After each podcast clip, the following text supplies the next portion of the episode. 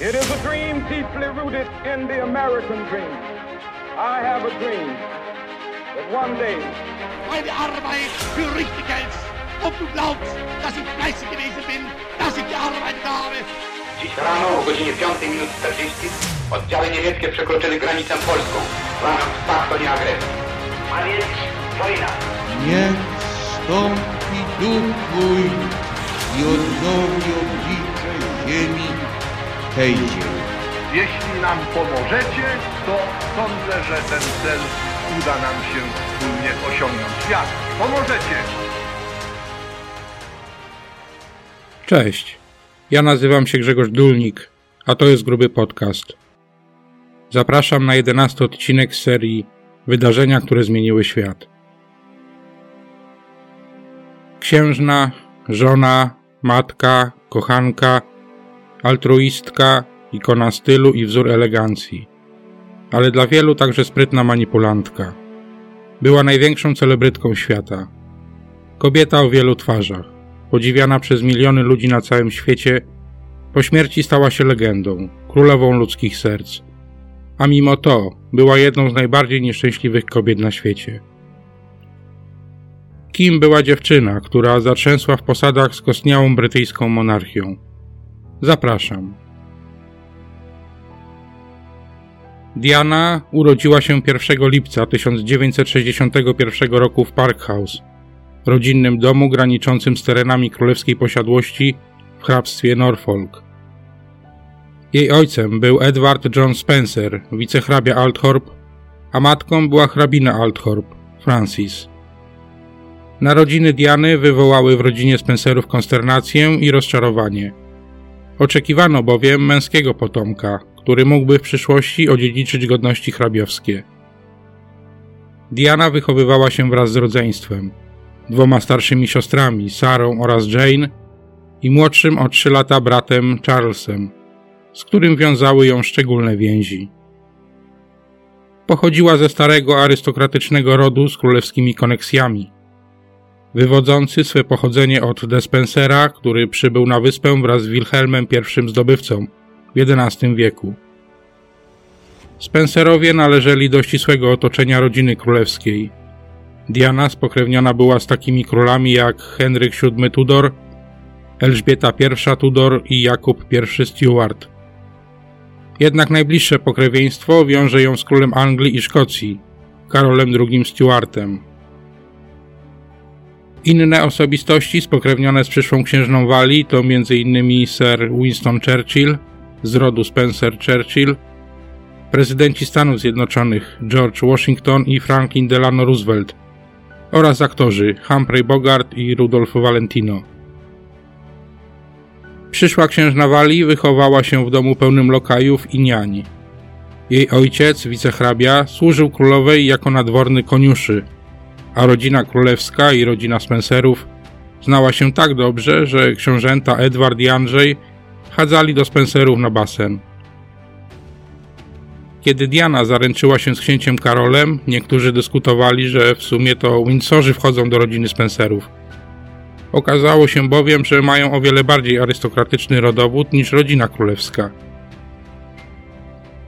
Jej dzieciństwo to jednak koszmar w efektownych arystokratycznych dekoracjach. Ojciec był oschły i despotyczny, a delikatna, ale nerwowa żona irytowała go tak, że często posuwał się do przemocy. Młoda Diana była więc świadkiem dzikich awantur. Ostatecznie Francis odeszła od męża, a rozwód orzeczono w 1969 roku. Poprzedziła go paroletnia walka o dzieci, w trakcie której opiekę nad nimi przejął John Spencer. Ośmioletnia wtedy Diana strasznie to przeżyła, co jak wielokrotnie później podkreślała, rzutowało nie tylko na jej młodości, ale i późniejszym dorosłym życiu. Diana Spencer nie przepadała za nauką. Miała problem z dysleksją, przyswajaniem podstawowej wiedzy, a co za tym idzie, z dobrymi ocenami. Ukończywszy szkołę podstawową, Diana przystąpiła do prywatnej szkoły dla dziewcząt. Egzaminy na poziomie polskich egzaminów gimnazjalnych okazały się jednak dla niej kompromitujące. Spośród sześciu wybranych przez siebie przedmiotów nie zdała pięciu. Nie pomagały liczne, opłacane przez ojca prywatne korepetycje. Niezdolna do kontynuowania nauki na wskutek niezaliczenia odpowiedniej ilości testów, bowiem wymagano zaliczenia co najmniej trzech egzaminów, Diana opuściła szkołę. Na krótko wyjechała do Szwajcarii, gdzie pobierała naukę dla dziewcząt z dobrych domów, czyli dobrych manier i etykiety. Po kilku miesiącach wróciła do Wielkiej Brytanii. Dla Diany oraz jej ojca, bardziej od starannego wykształcenia, liczyło się jednak dobre zamąż pójście. Dziewczyna już w wieku 16 lat marzyła o tym, by zostać księżną Walii, a w jej pokoju w szkolnym internacie nad łóżkiem wisiał plakat księcia Karola. W 1975 roku zmarł dziadek Diany od strony ojca, więc odziedziczyła po nim tytuł. Od tego momentu była Lady Dianą Spencer. Pod koniec 1977 roku siostra Diany, Sara, przedstawiła ją księciu Karolowi. Następca tronu przybył do rodowej posiadłości Spencerów na zaproszenie Sary, z którą był w związku.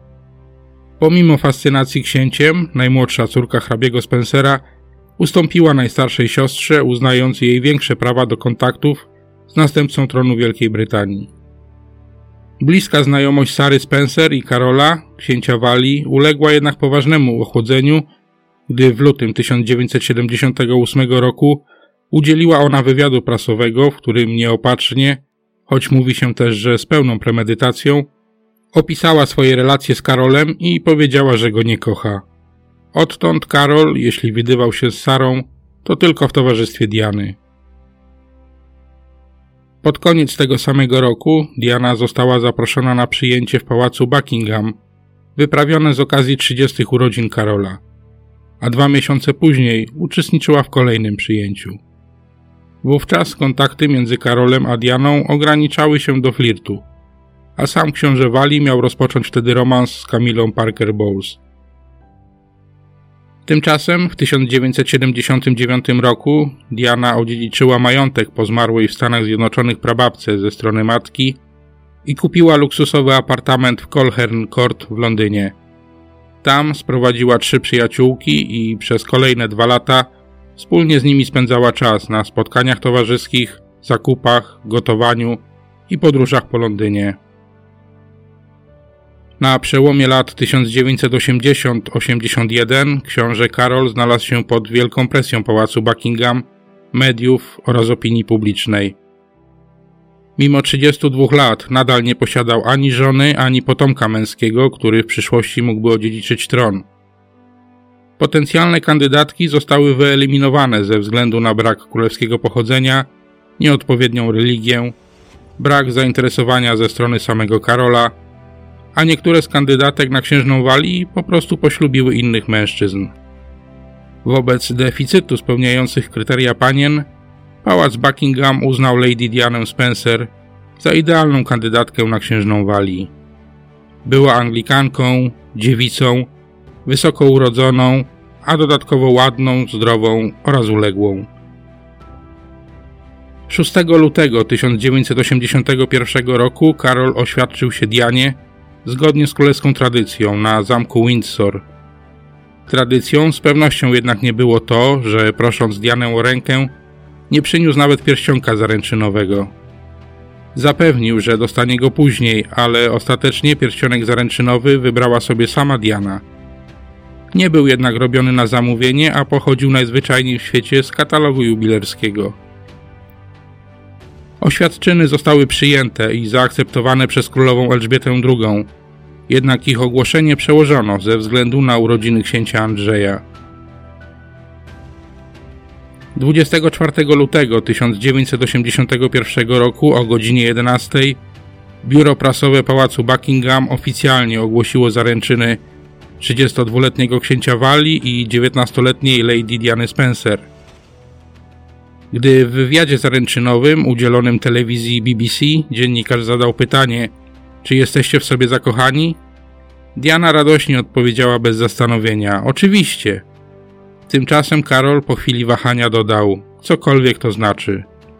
Powodując tym samym szereg spekulacji na temat szczerości jego uczuć do narzeczonej. Na archiwalnym filmie z tego wywiadu możemy zobaczyć, jak Diana w jednej chwili z radosnej i szczęśliwej dziewczyny zaczęła wyglądać jak zbity pies. Pierwsze oficjalne wystąpienie publiczne pary miało miejsce 9 marca 1981 roku w Royal Albert Hall. Lady Diana Spencer spotkała się tam m.in. z Grace Kelly, księżną Monaco. 27 lipca 1981 w katedrze świętego Pawła w Londynie miała miejsce próba generalna przed ślubem. Tego samego dnia królowa Elżbieta II wydała bal na cześć młodej pary w pałacu Buckingham. Tam doszło do pierwszego kryzysu w związku Diany i Karola. Przed ślubem książę nie znalazł bowiem czasu, by porozmawiać z Dianą, choć go o to prosiła. Za to spotkał się z Kamilą i podarował jej złotą bransoletę z dedykacją. Na samym balu totalnie zaś zignorował narzeczoną, cały wieczór bawiąc się i tańcząc z Kamilą. Diana ostatecznie zdała sobie wtedy sprawę, że Karol kocha Kamilę, a nie ją i że w jej małżeństwie już zawsze będą trzy osoby. W pałacowych pokojach rozpętała się awantura, podczas której Diana zerwała wiszącą na wieszaku suknię ślubną, cisnęła nią o ziemię i z wściekłością zaczęła deptać, grożąc Karolowi, że żadnego ślubu nie będzie. Ostatecznie, przez dwa pozostałe do uroczystości ślubnej dni, Diana ochłonęła na tyle, że nie spełniła swojej groźby. 29 lipca 1981 roku w katedrze świętego Pawła w Londynie Lady Diana Spencer poślubiła następcę tronu brytyjskiego Karola, księcia Walii. W uroczystości, nazwanej ślubem stulecia, uczestniczyło 3,5 tysiąca zaproszonych gości. 600 tysięcy ludzi pojawiło się na ulicach Londynu, a kolejne 750 milionów ludzi obejrzało ceremonię w telewizji. Cały świat uległ fascynacji księżną. To właśnie wtedy rozpoczęło się medialne szaleństwo, które miało nieprzerwanie towarzyszyć Dianie już do ostatnich chwil jej życia. Suknia, w której księżna przystąpiła do uroczystości, została uszyta z sześciu różnych tkanin. Cała pokryta była w haftach i koronkach oraz miała ponad 10 tysięcy pereł i ośmiometrowy tren, najdłuższy jaki widział świat. To dzieło powstawało aż przez 5 miesięcy i było też bardzo drogie. Cenę sukni szacowano na około 9 tysięcy funtów, co w przeliczeniu wynosi około 45 tysięcy złotych. Jednak ślubna kreacja niezbyt podobała się pannie młodej. W przyszłości zapisze ją swojemu drugiemu synowi, Haremu. Para młoda zainkasowała 10 tysięcy prezentów, przyjmując 47 tysięcy listów gratulacyjnych. W związku ze ślubem Diana otrzymała tytuł Jej Królewska Wysokość Księżna Walii. Dziś wiemy już jednak, że bajkowy ślub z księciem Walii, o jakim marzyła pewnie każda dziewczyna w Zjednoczonym Królestwie, był, jak sama mówiła Diana, najgorszym dniem w jej życiu.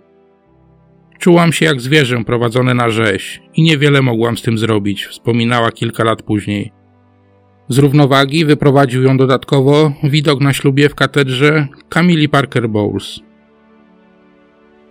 Gwoli sprawiedliwości trzeba jednak wspomnieć, że i Karol niezbyt miło wspominał dzień ślubu. Rozpaczliwie chciałem opuścić wesele. Już w czasie zaręczyn odkryłem, jak bardzo okropne mam perspektywy. Nie miałem wcześniej szansy na poznanie Diany, powiedział książę Karol Robertowi Jobsonowi, autorowi jego biografii. Syn Elżbiety II już wtedy kochał Kamilę. Ostatecznie musiał jednak poślubić Dianę, a wszystko przez naciski ze strony rodziny królewskiej, a zwłaszcza ojca Filipa, księcia Edynburga. Rodzina królewska uważała Dianę za świetną kandydatkę na żonę następcy tronu, także z tego powodu, że była ona do tej pory młodą, niedoświadczoną i uległą dziewczyną. Taką szarą myszką, łatwą do sterowania. Czas pokazał jednak, jak bardzo się mylili. Już podczas ślubu Diana pokazała, że nic sobie nie robi z wiekowej tradycji i twardych zasad królewskiego dworu. Tuż przed ceremonią postanowiła, że zmieni treść przysięgi małżeńskiej i nie zobowiąże się do bycia posłuszną mężowi. W zamian za to przysięgła kochać, wspierać i szanować Karola. Wówczas było to bardzo kontrowersyjne wydarzenie. Diana po raz pierwszy, ale nie ostatni, zerwała z królewską tradycją i zaczęła kruszyć beton monarchii. Być może dzięki temu 30 lat później podobnie postąpi Kate Middleton, biorąc ślub z księciem Williamem. Podczas miesiąca miodowego młode małżeństwo wyruszyło jachtem Brytania w rejs dookoła Morza Śródziemnego. Kilka miesięcy po tym urodził się pierwszy syn Diany i Karola, William. Para bardzo szybko więc spełniła swój podstawowy obowiązek wydania na świat następcy tronu, który gwarantował ciągłość dynastii. Po urodzeniu syna księżna Wali popadła w depresję poporodową. Miała zaledwie 20 lat, gdy spadł na nią obowiązek wychowania przyszłego króla. Depresję dodatkowo potęgowała świadomość romansu Karola z Camilą Parker Bowles. Diana zaczęła chudnąć w oczach, na co uwagę zwróciła brytyjska prasa, śledząca niemal każdy ruch księżnej. Pałac Buckingham wydał jednak oświadczenie, w którym stwierdził, że problemy Diany z wagą wynikają z jej pierwszego macierzyństwa. Kilka lat później dowiemy się jednak, że nie była to prawda. W 1983 roku książęca para udała się w pierwszą wspólną oficjalną zagraniczną wizytę do Australii oraz Nowej Zelandii. Rodzicom w podróży towarzyszył dziewięciomiesięczny książę William, co było ponownym zerwaniem z królewską tradycją. Diana tłumaczyła to jednak długim czasem podróży, która trwała aż 45 dni. Podczas tej wizyty księżna po raz pierwszy zetknęła się bezpośrednio z olbrzymim zainteresowaniem wokół jej osoby. Była bardzo zdenerwowana i roztrzęsiona. Czuła się niepewnie, a nie wiedziała jak ma się zachowywać. Karol wcale nie pomagał, zostawiając ją samą z tłumem widzów i dziennikarzy. Tak wielkie zainteresowanie całkowicie zaskoczyło Dianę oraz samego Karola. Okazało się, że popularnością księżna przebija samego następcę tronu. Podczas jednej z oficjalnych kolacji przemawiający Karol rzucił gorzki żart, że gdyby miał jeszcze jedną taką żonę jak Diana, bez problemów mógłby przejść spokojnie ulicą. Cała uwaga skupiona była bowiem na księżnej, co niezbyt podobało się Karolowi. Mimo to, czas po narodzinach pierwszego dziecka był dobrym okresem w książęcym małżeństwie. Wydawali się być szczęśliwą rodziną. Karol wiele czasu spędzał na zabawach z synem, pomagał w codziennej opiece nad dzieckiem, ograniczał książęce obowiązki i wracał wcześnie do domu, aby zdążyć na czas kąpieli. Aktywnie uczestniczył w pierwszych miesiącach życia syna, inaczej niż to było w jego własnym dzieciństwie. W 1984 roku na świat przyszedł Harry, drugi syn książęcej pary. Książę Karol, który po pierwszym synu marzył o córce, nawet nie starał się ukryć, jak bardzo jest zawiedziony. No cóż, to jednak chłopiec, skwitował krótko. Przed szpitalem i czekającym tłumem dziennikarzy robił jednak dobrą minę do złej gry. I udawał szczęśliwego ojca. Reporterom nie umknęła jednak uwadze odpowiedź Karola na pytanie, czy oczekiwał narodzin syna, czy jednak córki. Książę, wykazując się nie po raz pierwszy i nie ostatni brakiem wyczucia, odpowiedział bowiem: Oczekiwałem, że dziecko urodzi się zdrowe. I takie jest. Rzecz działa się, jak wspomniałem, przed szpitalem, bowiem Diana znów zerwała z królewską tradycją i była pierwszą kobietą z królewskiej rodziny, która powiła potomka w szpitalu, a nie jak nakazywały dworskie zwyczaje w domu spadkobiercy tronu. Księżna obu synów urodziła w szpitalu St. Mary. Postawiła na swoim także w kwestii imion chłopców. Karol wybrał dla nich imiona Artur oraz Albert. Diana jednak pozostała nieugięta. Chłopcy mieli nazywać się William i Harry, koniec i kropka. Po narodzinach Harego książę Karol zaczął wykazywać obojętność wobec chłopca oraz samej Diany. Pojawiły się pierwsze plotki o kryzysie w małżeństwie. W roku 1986 gazety nie liczyły już dni, kiedy Diana i Karol żyli osobno, ale raczej te, kiedy byli razem. Książę przyzna po latach, że w zasadzie od 1984 roku, czyli od narodzin Harego, całkowicie wygasło ich życie seksualne. Księżna próbowała jeszcze ratować ten związek. Udała się do sklepu z seksowną bielizną i zakupiła kilka kompletów. Gdy później przymierzała je w pałacowym apartamencie, niespodziewanie wszedł Karol, który z wrokiem zmierzył żonę, stwierdził tylko, że wygląda niedorzecznie i wyszedł. Krótko po tym książę Karol wyjechał z Camilą Parker Bowles do królewskiej szkockiej posiadłości Balmoral na 37 dni, pozostawiając Dianę i synów w Anglii. Odtąd para odnosiła się do siebie z jawną wrogością, a spędzała wspólnie czas wyłącznie, gdy wymagał tego protokół. Wtedy też zrewanżowała się małżonkowi własnym romansem, o czym opinia publiczna dowie się kilka lat później. Latem 1986 roku Diana poznała oficera, Jamesa Hewita. Oczarowana jego poczuciem humoru i zachowaniem, zaproponowała, by udzielił jej oraz jej synom lekcji jazdy konnej. Księżna nawiązała z nim romans, który trwał z dłuższymi przerwami, wynikającymi z przebiegu służby wojskowej Hewita do 1991 roku. Diana w końcu rozstała się z kochankiem, ale pozwoliła mu zachować m.in. listy i prezenty. Rzeczy te James Hewitt wykorzystał później w swojej książce, opowiadającej o romansie z księżną Wali. Małżeństwo się rozpadało, a Diana skupiła się na wychowaniu synów. Księżna nigdy nie ukrywała, że dzieci to miłość jej życia. Czteroletnim wówczas Williamem nie zajmowała się guwernantka, jak to było w przypadku Karola, a sama księżna. Diana zadecydowała także, że chłopak zamiast pobierać nauki w pałacu, pójdzie do szkoły jak inne zwykłe dzieci. Pierwszego dnia przed szkołą na Dianę i Williama czekał oczywiście tłum dziennikarzy i fotoreporterów.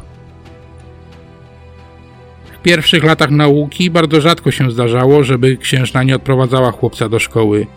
Chciała zapewnić synom na tyle normalne dzieciństwo, na ile tylko się dało. Zabierała chłopców do kina, do parków rozrywki, a nawet na hamburgery do McDonalda. Chciała pokazać im inne życie, nie tylko to związane z królewskim pałacem. A nie było to wcale łatwe. Diana, wchodząc do królewskiej rodziny, oczywiście zdawała sobie sprawę z ograniczeń, jakie nakłada dworska etykieta. Sama przecież pochodziła z bardzo arystokratycznej rodziny. Chyba jednak nawet ona nie przypuszczała, że tak bardzo ograniczą jej wolność że o każdą sprawę będzie toczyć ciężkie boje z sekretarzem królowej. Gdy po tragicznej śmierci księżnej Monako chciała pojechać na jej pogrzeb, sekretarz królowej się nie zgodził. Nie pomógł argument, że księżna uważała Grace Kelly za bliską sobie osobę. Gdy Diana panikowała przed jednym ze swoich pierwszych publicznych wystąpień, Kelly rozśmieszyła ją słowami: Nie martw się, potem będzie już tylko gorzej. Diana interweniowała u samej Elżbiety II i w końcu uzyskała pozwolenie na wyjazd. Podobne negocjacje toczyły się też zawsze, gdy księżna chciała zabrać w oficjalną podróż którejś ze swoich dzieci. Za każdym razem musiała pisać list do sekretarza królowej z prośbą o zgodę, której prawie nigdy nie uzyskiwała. Gdy usiłowała potem załatwić sprawę z samą Elżbietą II, najczęściej również słyszała nie. Takich sytuacji było mnóstwo. Nie dziwi więc, że Diana walczyła o każdą chwilę wolności dla swoich synów. Księżnej nie chodziło jednak tylko o dobrą zabawę chłopców. Chciała im także pokazać tą stronę życia, której nie widać z okien królewskiego pałacu. Pewnego dnia, wcześnie rano, zanim jeszcze nie pojawili się fotoreporterzy, zabrała Williama do ośrodka pomocy bezdomnym ludziom, gdzie miał podawać ubrania, kawę czy herbatę. W pewnym momencie podszedł do niego mężczyzna, który spędził noc na ulicy i powiedział: Dawaj mi to, nie obchodzi mnie kim jesteś. Mężczyzna oczywiście doskonale wiedział, że to książę William, ale chłopak był bardzo zaskoczony tym zdarzeniem. Matka powiedziała mu potem: Dziś zobaczyłeś, że nie wszyscy nas lubią. Na początku 1989 roku Diana postanowiła stawić czoła Karolowi i jego kochance. Wbrew księciu udała się na przyjęcie z okazji 40. urodzin siostry Camili Parker Bowles. Książę nie chce, bym mu towarzyszyła, ale ja i tak tam pójdę, bo wiem, że będzie tam Kamila, mówiła swojemu ówczesnemu kamerdynerowi. Podczas przyjęcia w pewnej chwili Diana poprosiła go, by wspólnie poszukali Karola, który gdzieś zniknął. Nie było także Kamili. Poszukiwania zakończyły się w piwnicy, gdzie Karol z Kamilą po prostu sobie siedzieli i rozmawiali. Diana podeszła do nich i powiedziała im wprost, że wie o nich od dłuższego czasu i zapytała, dlaczego to robią. Karol z Kamilą nie wiedzieli, co odpowiedzieć. Po dłuższej chwili ciszy w końcu kochanka przyznała: To prawda. Ty masz tytuł, dwoje dzieci, wszyscy cię kochają. Czego chcesz jeszcze? Karol nie odezwał się wtedy ani słowem. To utwierdziło Dianę w przekonaniu, że nie ma już nadziei na uratowanie tego małżeństwa. W przestrzeni publicznej coraz mocniej zaczęła być widoczna wojna pomiędzy małżonkami, którzy w tym celu zaczęli wykorzystywać także media.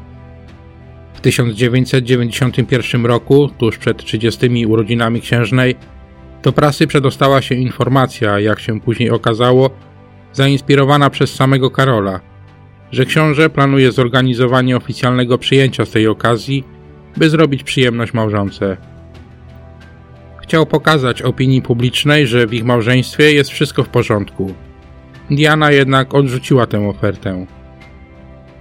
Media, które mają już niemal pewność o romansie Karola z Kamilą, a nie mają jeszcze świadomości romansu Diany, stają w obronie księżnej i przestają być obiektywne w swoich przekazach.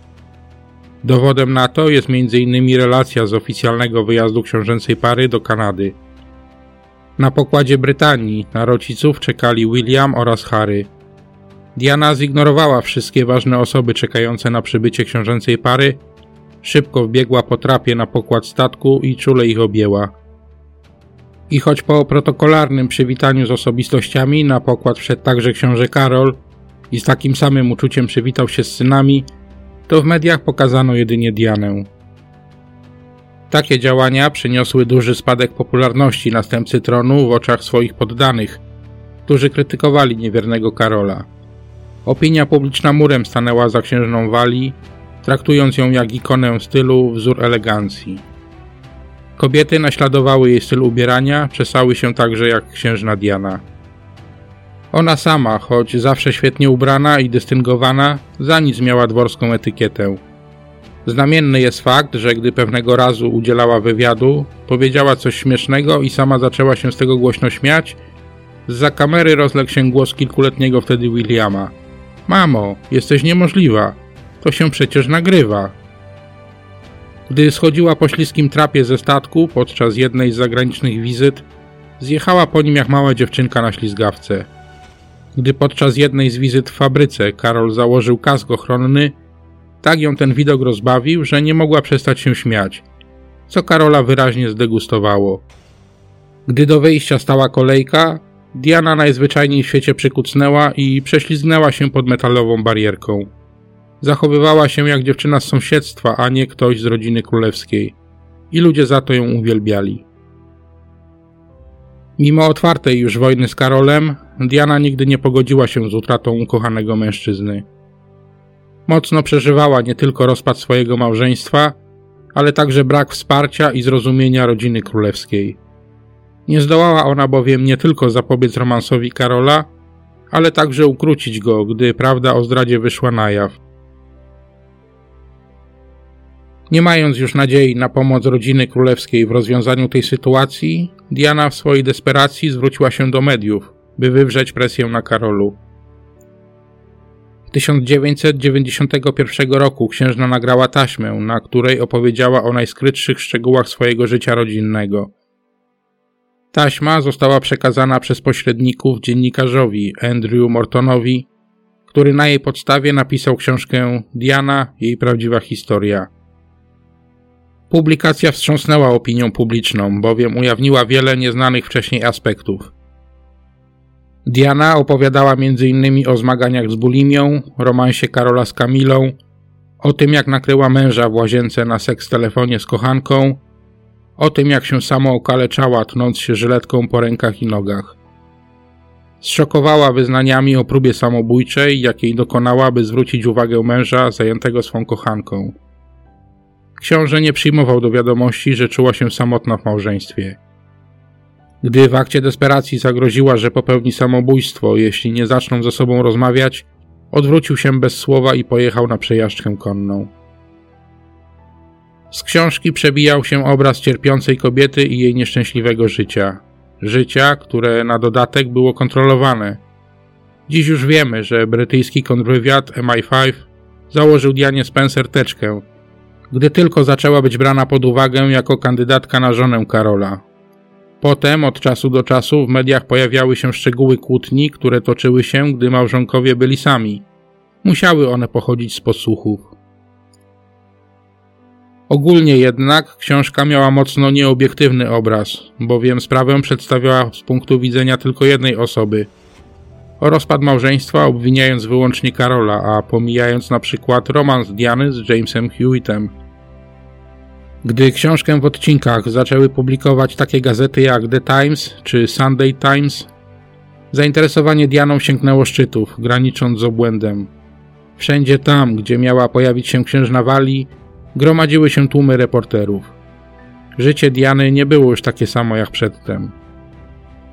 Oliwę do ognia dolała w 1992 roku publikacja w The Sun, w której gazeta opublikowała zapis rozmów telefonicznych pomiędzy księżną Wali a jej kochankiem.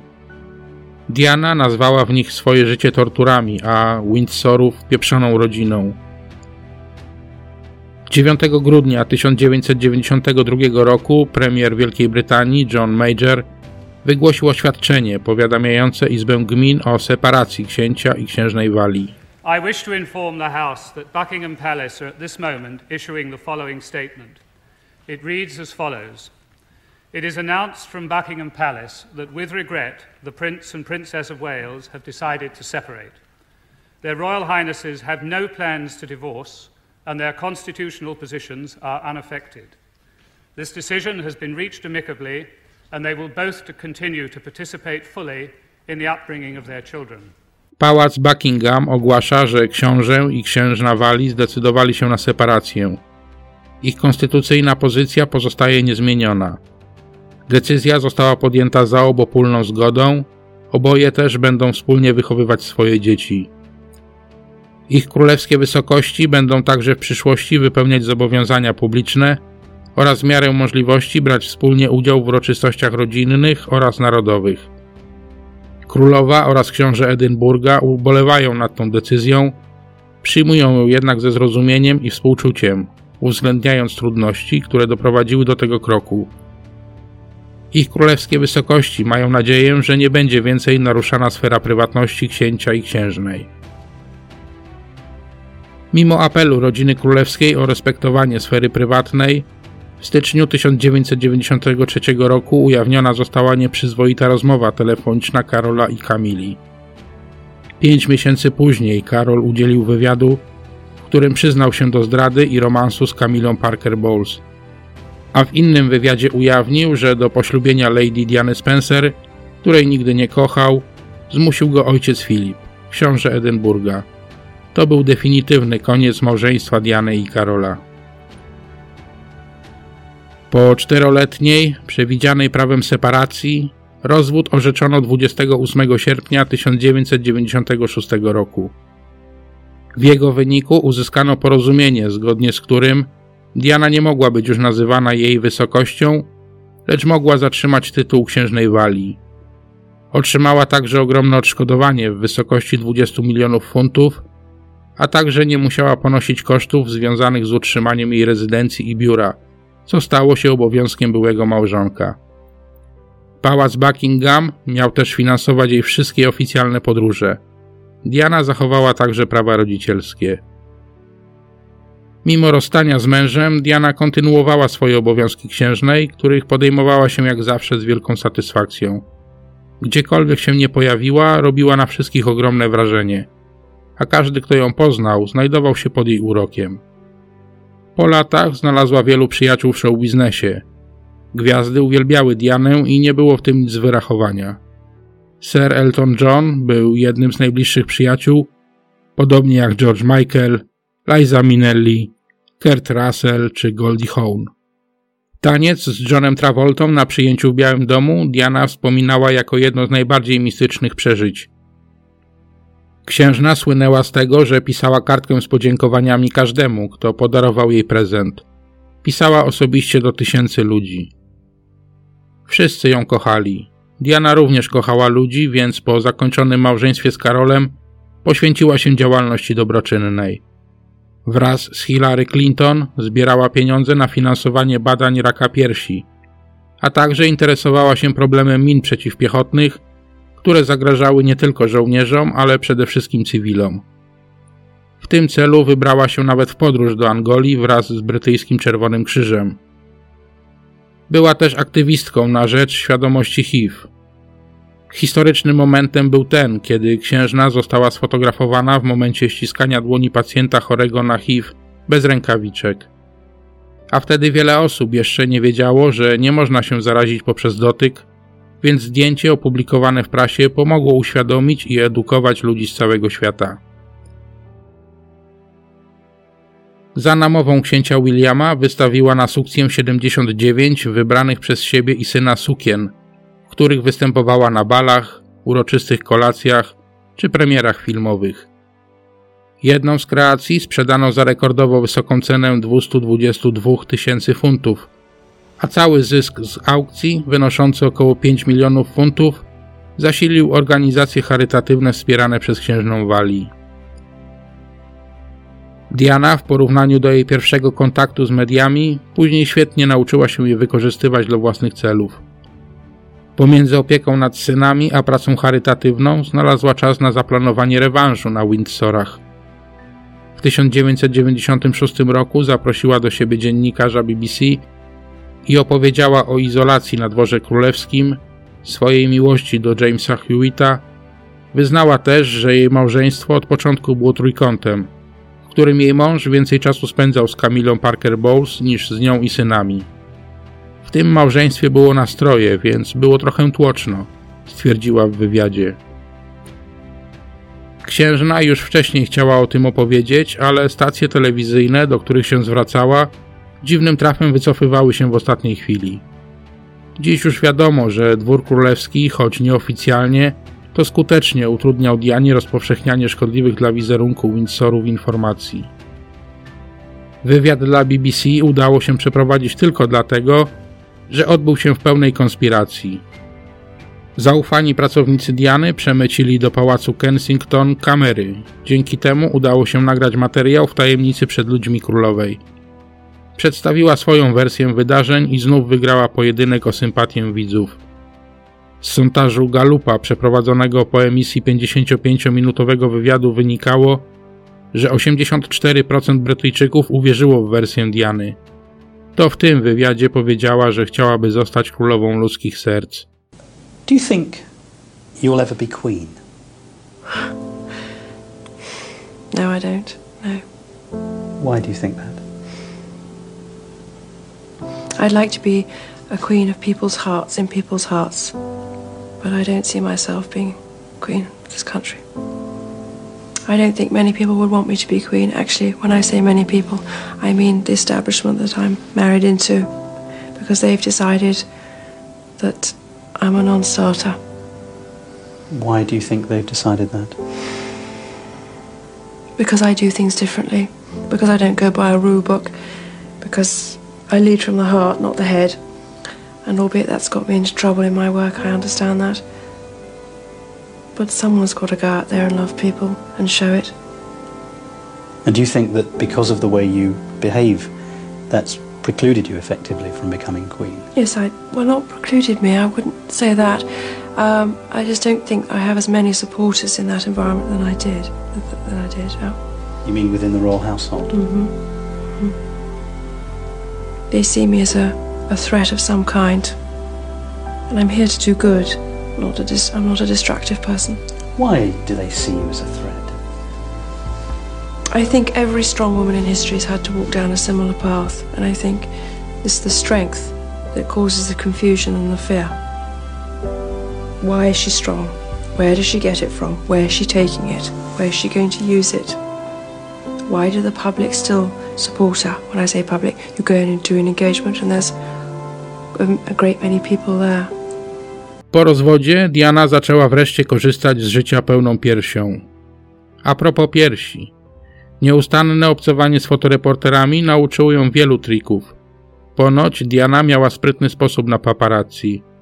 Używała swoich małych torebek, aby zakrywać dekolt, gdy wysiadała z limuzyny. Zdjęcia fotografów były wtedy robione od dołu, co sprawiało, że na fotografiach jej biust był bardziej okazały. Ale wracając do tematu. Diana wciąż poszukiwała odpowiedniego dla siebie mężczyzny, miłości oraz akceptacji. Rzuciła się w wir romansów, z których media miały świetną pożywkę.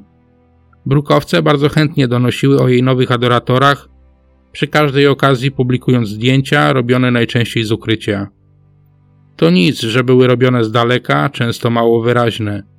Wystarczyło, że na głównej stronie gazety napisano słowo Diana i dodano zdjęcie, a sprzedaż skakała wielokrotnie do góry. Śmiało można powiedzieć, że powstał swoisty przemysł zarabiający ogromne pieniądze na śledzeniu księżnej i zdradzaniu jej tajemnic. Zarabiali wydawcy, duże majątki zbili też najsprytniejsi paparazzi, którym za jedno zdjęcie księżnej z kochankiem, w zależności oczywiście od jego powiedzmy pikantności, płacono od 100 do nawet 200 tysięcy funtów. Pieniądze zgarniali też ludzie z otoczenia Diany lub nawet niektórzy przyjaciele, którzy sprzedawali intymne szczegóły na temat jej życia. Kochanek księżnej, James Hewitt, opowiedział o tym, jak za rękę zaprowadziła go do łóżka. Jej kamerdyner napisał pełną intymnych szczegółów książkę, której przy okazji wykreował się na ważną dla księżnej postać. Informacje o księżnej przekazywał też egipski miliarder Mohamed Al-Fayed, właściciel londyńskiego domu towarowego Harrods oraz ekskluzywnego paryskiego hotelu Ritz. Ojciec Dodiego Al-Fayeda, z którym Diana latem 1997 roku spędziła wakacje w Saint-Tropez na południu Francji. Dodi Al-Fayed był z kolei hollywoodzkim producentem, mającym na swoim koncie wyprodukowanie słynnego filmu Rydwany Ognia. Diana była wyraźnie zauroczona Dodim, a na szczęśliwy finał tej znajomości, czyli ślub syna z matką brytyjskiego następcy tronu, liczył też Mohamed Al-Fayed. Jednak finał okazał się być tragicznym. Media dosłownie oszalały, bo ewidentnie widać było, że parę coś ze sobą łączy. Gazety wręcz biły się o najświeższą publikację jak najbardziej kontrowersyjnych zdjęć. Paparazzi oczywiście nie mogli przepuścić takiej okazji i tygodniami koczowali pod rezydencją Al-Fayeda, na wszelkie sposoby starając się zrobić fotografię z nowym ukochanym księżnej. Gdy pod koniec sierpnia para udała się w podróż powrotną na Wyspy Brytyjskie z przystankiem w Paryżu, fotografowie ruszyli za nimi w pościg. W Paryżu Diana i Dodi Al-Fayed zatrzymali się oczywiście w Ritzu, pod którym zgromadziły się tłumy dziennikarzy. Z każdą chwilą pod hotelem przybywało ludzi, bowiem do fotoreporterów dołączyli ciekawscy turyści oraz mieszkańcy francuskiej stolicy. Około północy para postanowiła się przenieść do prywatnego mieszkania Dodiego. Opracowano plan oszukania paparazzich, który polegał na podstawieniu pod frontowe wejście identycznego Mercedesa, jakim para przyjechała do hotelu, sugerując, że zaraz będą opuszczać budynek. W rzeczywistości pod tylnie wejście podjechał drugi samochód, do którego 20 minut po północy wsiedli Diana, Dodi Al-Fayed oraz ochroniarz Trevor Rhys-Jones. Samochodem kierował szef hotelowej ochrony Henry Paul. Paparazzi nie dali się jednak zwieść. Na skuterach i motocyklach ruszyli za uciekającym Mercedesem. Na paryskich ulicach rozegrał się prawdziwy pościg, niestety zakończony tragicznie. Mercedes, jak później ustalili biegli, pędzący z prędkością nie mniejszą niż 150 km na godzinę, wjechał do paryskiego tunelu Alma, gdzie 24 minuty po północy wbił się w 13 kolumnę tunelu. Przód samochodu został całkowicie zmiażdżony. Przedni zderzak zatrzymał się dopiero na kolanach pierwszego pasażera. Na miejscu zginęli kierujący samochodem Henri Paul oraz Dodi Al-Fayed. Ochroniarz odniósł poważne obrażenia twarzy. Z początku nic nie wskazywało na to, że księżna odniosła obrażenia zagrażające jej życiu. Jak twierdził lekarz Frederick Meyle, który przypadkowo przejeżdżał tunelem i zatrzymał się przy rozbitym samochodzie, Diana miała trudności z oddychaniem, ale była przytomna. Po chwili przy wraku pojawili się natomiast paparazzi, którzy nie przestawali robić zdjęć ofiarom wypadku, nawet w momencie, gdy na miejscu pojawiła się policja oraz służby ratunkowe. Diana płakała i powtarzała tylko: Zostawcie mnie w spokoju. Prawdopodobnie były to ostatnie słowa księżnej, której stan gwałtownie się pogorszył. Po raz pierwszy była ona reanimowana jeszcze w tunelu. Choć starano się dowieść Dianę do szpitala jak najszybciej, to ostatecznie trwało to niewyobrażalnie długo. Zapadła decyzja, by nie przewozić księżnej do najbliższej, ale słabo wyposażonej placówki, tylko od razu do takiej, która specjalizuje się w ciężkich wypadkach. Dodatkowo też ówcześnie we Francji obowiązywało prawo, które nakazywało służbom ratowniczym zatrzymywanie karetki, gdy na jej pokładzie prowadzono akcję reanimacyjną. A księżną reanimowano kilkukrotnie. Ostatecznie Diana do szpitala trafiła dopiero około godziny drugiej w nocy. Dwie godziny później, o godzinie czwartej nad ranem, w niedzielę 31 sierpnia 1997 roku, lekarze stwierdzili śmierć Diany. Miała 36 lat. Przedstawiciel szpitala poinformował media, że jej przyczyną były rozległe obrażenia wewnętrzne. Wieść o śmierci Diany w wypadku samochodowym w paryskim tunelu zelektryzowała cały świat. Wiadomość natychmiast zaczęły przekazywać stacje telewizyjne całego świata. This is CNN breaking news. I'm Jean Meserve in Washington. In Paris, France tonight, a tragedy. Britain's Princess Diana has been in an automobile accident. She has been injured. Diana, Princess of Wales, has been seriously injured in a car accident in Paris. Her companion, the Harrods heir Dodi Al Fayed, has been killed. It's been confirmed her latest love, Egyptian millionaire Dodi Al Fayed, has been killed. I'm Patrick Stinson with breaking news coverage. Princess Diana is seriously injured and two other people have died following a car crash. This is BBC Television from London. Diana, Princess of Wales, has died after a car crash in Paris. This is a news flash from National 9 News. Welcome to this special National 9 News update and the news out of Paris on the condition of Princess Diana is not good. She is now officially reported as dead. Wielka Brytania jeszcze spała, a jako pierwsi o tragicznej śmierci księżnej dowiedzieli się ostatni bawiący się jeszcze w dyskotekach i klubach nocnych. Przerwano zabawę i tłum młodych ludzi ruszył pod pałace Buckingham oraz Kensington, który na co dzień zamieszkiwała Diana.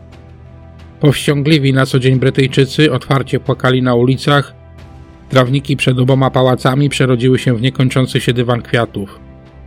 Ludzie w hołdzie zmarłej składali kwiaty, laurki, baloniki, wiersze, świeczki czy maskotki.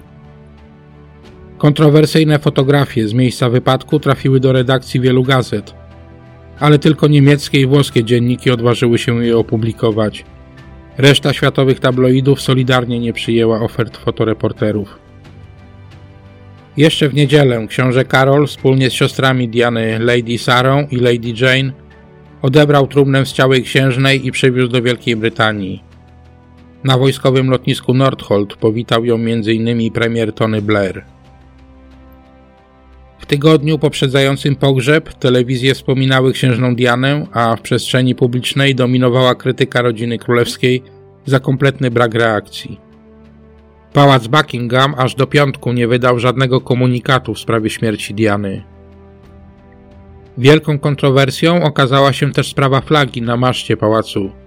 Opinia publiczna oczekiwała, że królewski sztandar zostanie na znak żałoby opuszczony do połowy. Przeczył jednak temu protokół, zgodnie z którym flaga winna być wywieszona tylko w czasie, gdy królowa przebywa w Londynie. Ostatecznie po raz pierwszy w historii na maszt wciągnięto nie flagę monarchii, ale flagę brytyjską, która zawisła w połowie masztu. W piątek królowa Elżbieta II pojawiła się w telewizji, gdzie przemawiając do narodu brytyjskiego wspominała byłą synową. Powszechnej żałobie towarzyszyło ogromne poirytowanie na tych, którzy według opinii publicznej przyczynili się do śmierci księżnej. Ludzie krzyczeli do fotoreporterów, że są mordercami, którzy w pościgu za sensacją zabili Dianę. Nieliczni z nich odkrzykiwali, że ktoś jednak te gazety wykupywał na pniu. Pogrzeb księżnej Diany odbył się 6 września 1997 roku w opactwie westminsterskim. Za trumną szli książę Karol, brat Diany hrabia Charles Spencer, były też książę Edynburga Filip oraz synowie książę William i książę Harry, który w kwiatach na trumnie ułożył kartkę podpisaną Mamusia. Kondukt pogrzebowy przeszedł ulicami Londynu, na których zgromadziło się półtora miliona ludzi. W pogrzebie uczestniczyło wiele znanych osobistości, m.in. Margaret Thatcher, John Major, Tom Cruise, Nicole Kidman, Tom Hanks, Steven Spielberg, Diana Ross, Sting, George Michael, Luciano Pavarotti, Cindy Crawford, Chris de Berg, Hillary Clinton, Karl Lagerfeld oraz Donatella Versace, siostra Gianniego Versace, w którego pogrzebie Diana uczestniczyła kilka tygodni wcześniej, a także przedstawiciele 106 organizacji charytatywnych, z którymi współpracowała księżna Wali. Na pogrzeb została zaproszona też matka Teresa z Kalkuty, jednak zmarła na dzień przed pogrzebem. Informacja o jej śmierci została niemal całkowicie przyćmiona przez relacje o księżnej Dianie. Podczas uroczystości pogrzebowej Sir Elton John, przyjaciel Diany, wykonał w hołdzie księżnej przekształconą wersję piosenki Candle in the Wind, świeca na wietrze. Tekst został dostosowany do okoliczności, na przykład słowa Goodbye Norma Jean zastąpiono Goodbye England Rose. Now in the nave, Elton John sings Candle in the Wind with new words specially written a few days ago by Bernie Taupin. Goodbye, England's rose. May you ever grow in our hearts. You are the grace that placed yourselves where lives were torn apart. You called out to our country and you whispered to those in pain. Now you belong to heaven, and the stars spell out your name. And it seems to me you lived your life like a candle in the wind, never fading with the sunset when the rain set in. And your footsteps will always fall here along England's greenest hills. Pogrzeb księżnej transmitowały wszystkie większe światowe stacje telewizyjne. Relację z tego wydarzenia obejrzało na żywo 2,5 miliarda osób na całym świecie. Do dziś pogrzeb Diany jest trzecim w całej historii telewizji wydarzeniem z największą oglądalnością, a rekordowym, jeśli chodzi o wydarzenia niesportowe. Tylko otwarcie Olimpiad w Atlancie rok przed śmiercią Diany oraz w Pekinie 15 lat po jej śmierci zgromadziło przed telewizorami więcej oglądających. Miejscem pochówku Diany została rodzinna posiadłość Althorp. Księżna została pochowana w czarnej sukni z długimi rękawami, zaprojektowanej przez jej ulubioną projektantkę Katrin Walker. W jej dłoniach umieszczono różaniec, prezent od matki Teresy z Kalkuty. Od śmierci Diany aż po dziś dzień pojawia się wiele teorii spiskowych na temat tego tragicznego wypadku. Począwszy od tego, że za śmiercią księżnej stały służby specjalne, poprzez zaangażowanie w wypadek rodziny królewskiej, aż po teorię mówiącą o tym, że śmierć Diany była zaaranżowana i upozorowana przez samą księżną, zmęczoną ciągłym zainteresowaniem wokół jej osoby. A sama Diana, cała i zdrowa, żyje gdzieś w świecie z ukochanym Dodi Malfayedem. Dość powiedzieć, że 23 lata po tych wydarzeniach, co trzeci Brytyjczyk wierzy, że był to starannie przygotowany zamach na życie księżnej. A co drugi mieszkaniec Wielkiej Brytanii uważa, że sprawę nie wyjaśniono do końca. Wydaje się, że choć Diana żyła krótko, zdążyła wychowaniem synów wpłynąć na to, kim są dziś. Książę William swoim pierwszym patronatem objął ośrodek pomocy bezdomnym i wraz ze swoją żoną Kate bardzo często udzielają się charytatywnie. Kate zresztą, zaręczając się z Williamem, otrzymała od niego pierścionek zaręczynowy Diany. Książę Harry z kolei, poślubiając Meghan Markle, postanowił wycofać się z życia rodziny królewskiej. Między innymi dlatego, by nie być na świeczniku mediów jak kiedyś jego matka. Były kamerdyner księżnej Walii tak zresztą skomentował ślub Harego z Meghan. Pałac Buckingham, dowiadując się kim jest wybranka księcia Harego, z pewnością nie był szczęśliwy z tego powodu. Pomyślałem sobie, pochodząca z mieszanej rodziny, Amerykanka, rozwódka, aktorka. Ziścił się najgorszy koszmar Windsorów, a ja w głowie usłyszałem głośny chichot księżnej Diany. Bardzo dziękuję za uwagę. Jeśli Wam się podobało, będę wdzięczny za podzielenie się podcastem ze znajomymi. Zapraszam też na moje kanały w social mediach, gdzie możecie zostawić recenzję, komentarz lub łapkę w górę. Do usłyszenia w kolejnym odcinku podcastu. Cześć!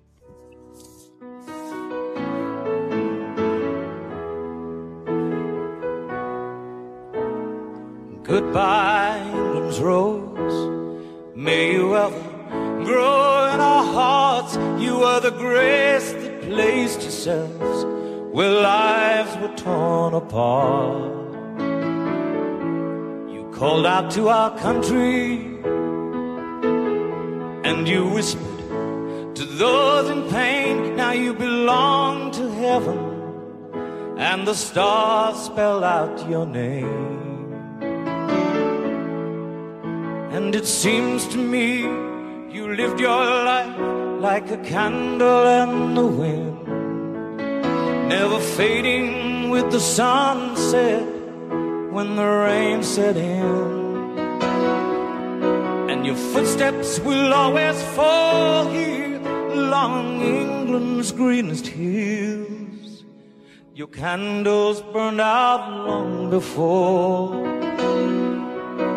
your legend ever will.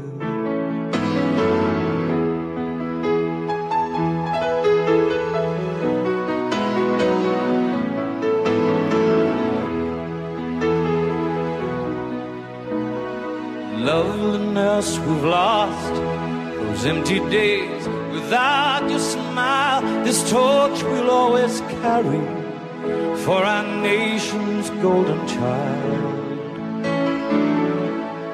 Even though we try, the truth brings us to tears. All our words cannot express the joy you've brought us through the years. It seems to me you've lived your life like a candle in the wind, never fading with the sunset when the rain set in. And your footsteps will always fall here along England's greenest hills. Your candles burned out long before your legend will.